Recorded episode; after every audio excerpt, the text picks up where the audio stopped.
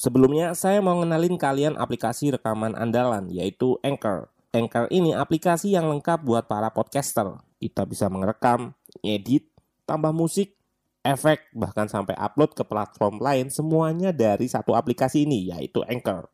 Nah, aplikasi ini bisa kalian download di App Store atau Play Store atau bisa juga dari website langsung di www.anchor.fm. One app that your podcast need. Oh ya, Anchor ini gratis, free transfer.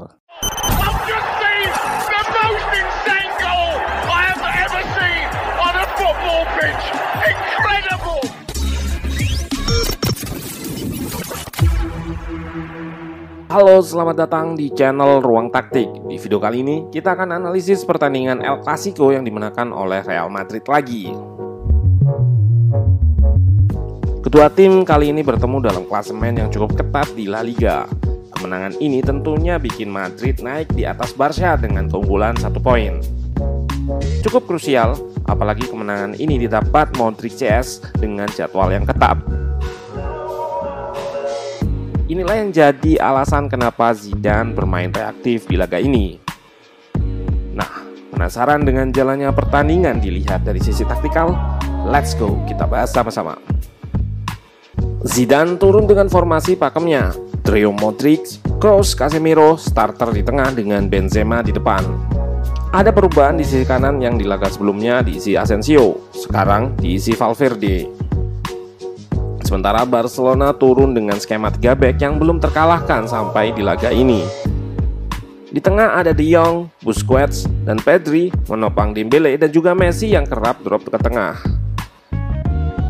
Mari kita lihat taktik Zidane dalam menggunakan Valverde. Pemain yang punya work rate tinggi ini punya dua tugas saat bertahan. Ketika menerapkan high press, Valverde akan naik sejajar lini depan untuk press long lay.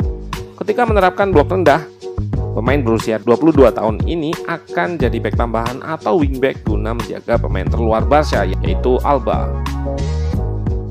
Bisa kita lihat shape Madrid menjadi 5 back, Valverde jadi orang tambahan agar Vasquez nggak kalah jumlah dengan Alba dan Pedri yang bergerak sayap. Dengan start posisi bertahan lebih dalam, Zidane ingin memberikan keamanan terlebih dahulu atau bertahan dengan banyak pemain di antara bola dan gawang. Taktik yang berbeda digunakan ketika lawan Liverpool dengan 4-1-4-1-nya yang ingin lebih cepat mengganggu bangun serangan lawan. Di sini, lebih ingin menunggu atau bermain reaktif. Namun Zidane juga menerapkan high pressing, diaplikasikan di awal build up Barcelona atau ketika goal kick. Tiga back Barca akan berubah shape-nya menjadi empat back dengan Mingueza yang akan jadi back kanan. Back kiri diisi Alba yang drop atau turun sangat dalam. Hal ini bertujuan agar Vasquez terpancing untuk press ke depan sehingga ruangnya dieksploitasi Pedri atau Dembele yang turun. Kita akan lihat Casemiro sebagai jangkar di tengah yang akan bergerak ke arah mana serangan dilancarkan dan dengan kemampuan interceptnya akan memutus serangan. Aplikasi all-in-one dan menjadi andalan para podcaster buat rekam podcast mereka namanya Anchor. Pakai Anchor ini, kalian nggak perlu peralatan ribet kayak studio kalau mau ngerekam. Semuanya bisa dari smartphone kalian menggunakan Anchor. Anchor bisa kalian download di App Store atau Play Store. Mudah banget. Di Anchor, kalian nggak hanya bisa ngerekam audio, tapi juga bisa ngedit langsung di sini. Nggak sampai di situ, Anchor juga dapat mendistribusikan konten kamu ke platform lain. Contohnya Spotify, Apple Music, dan lain-lain. Keren banget, satu aplikasi buat semua kebutuhan. Jadi, nggak perlu aplikasi-aplikasi editing lain. Daripada kalian makin penasaran, mending langsung aja download Anchor sekarang. Oh ya, Anchor ini gratis loh. Di blok yang lebih rendah, 5 back tadi akan secara agresif bertahan terhadap pemain yang berdiri atau menerima bola di ruang antar lini. Kita bisa lihat satu back step up atau keluar dari garis pertahanan untuk ganggu penerima umpan. Di klip ini juga terlihat kelemahan Barca. Minimnya pemain yang bisa mengekspos garis pertahanan lawan. Kadembele menerima bola, nggak ada pemain yang masuk untuk ekspos ruang yang ditinggalkannya. Sama halnya dengan klip ini yang membuat Messi nggak bisa mengirim umpan.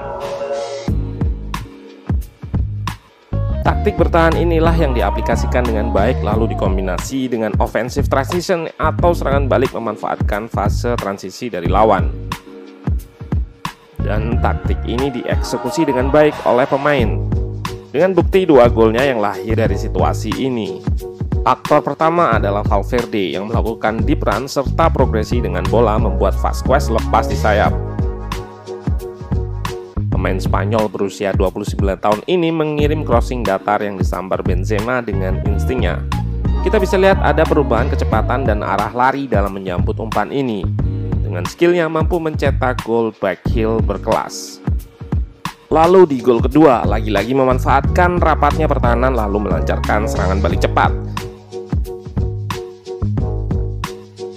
Mirip dengan situasi di gol pertama, Vinicius tinggal berhadapan dengan back dan jarak Mingueza dengan Vinicius terlalu jauh sehingga nggak bisa rebut bola kembali dengan simultan 4 saat baru kehilangan bola.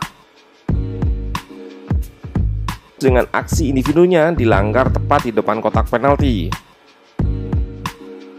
Tendangan bebas berhasil dieksekusi Kroos dengan baik. Barca bukannya tanpa perlawanan. Beberapa kali Messi melakukan pindah posisi namun masih berhasil diredam. Pedri juga bermain baik dengan pergerakannya yang kerap berpindah untuk merusak shape bertahan Madrid.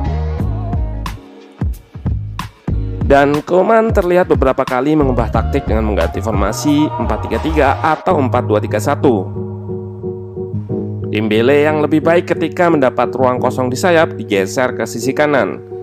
Griezmann masuk menggantikan Des yang terisolasi di babak pertama. Pemain Prancis ini mengisi pos sayap kiri.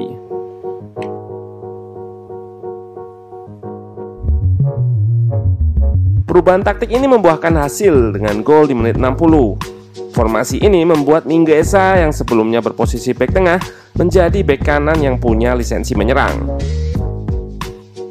Barca jadi lebih banyak punya pemain di box dan pemain Madrid nggak aware dengan pergerakan Mingueza dari belakang. Kebobolan ini membuat Barcelona punya momentum. Meski di awal sempat mengancam gawang Ter Stegen, Zidane tetap ada game plan awal untuk defend lalu counter. Hal inilah yang membuat penguasaan bola Madrid stagnan di 30%. Namun jika berpatokan hasil, taktik ini jelas sukses meredam superioritas Barca sebelum-sebelumnya, menghentikan rentetan form kemenangan dengan taktik yang efektif. Ini membuktikan di pertandingan sebelumnya Zidane sangat berusaha menguasai bola. Di game ini bisa berputar 180 derajat, menang tanpa banyak possession. Masih bilang Zidane miskin taktik? Atau kitanya yang nggak bisa baca taktik?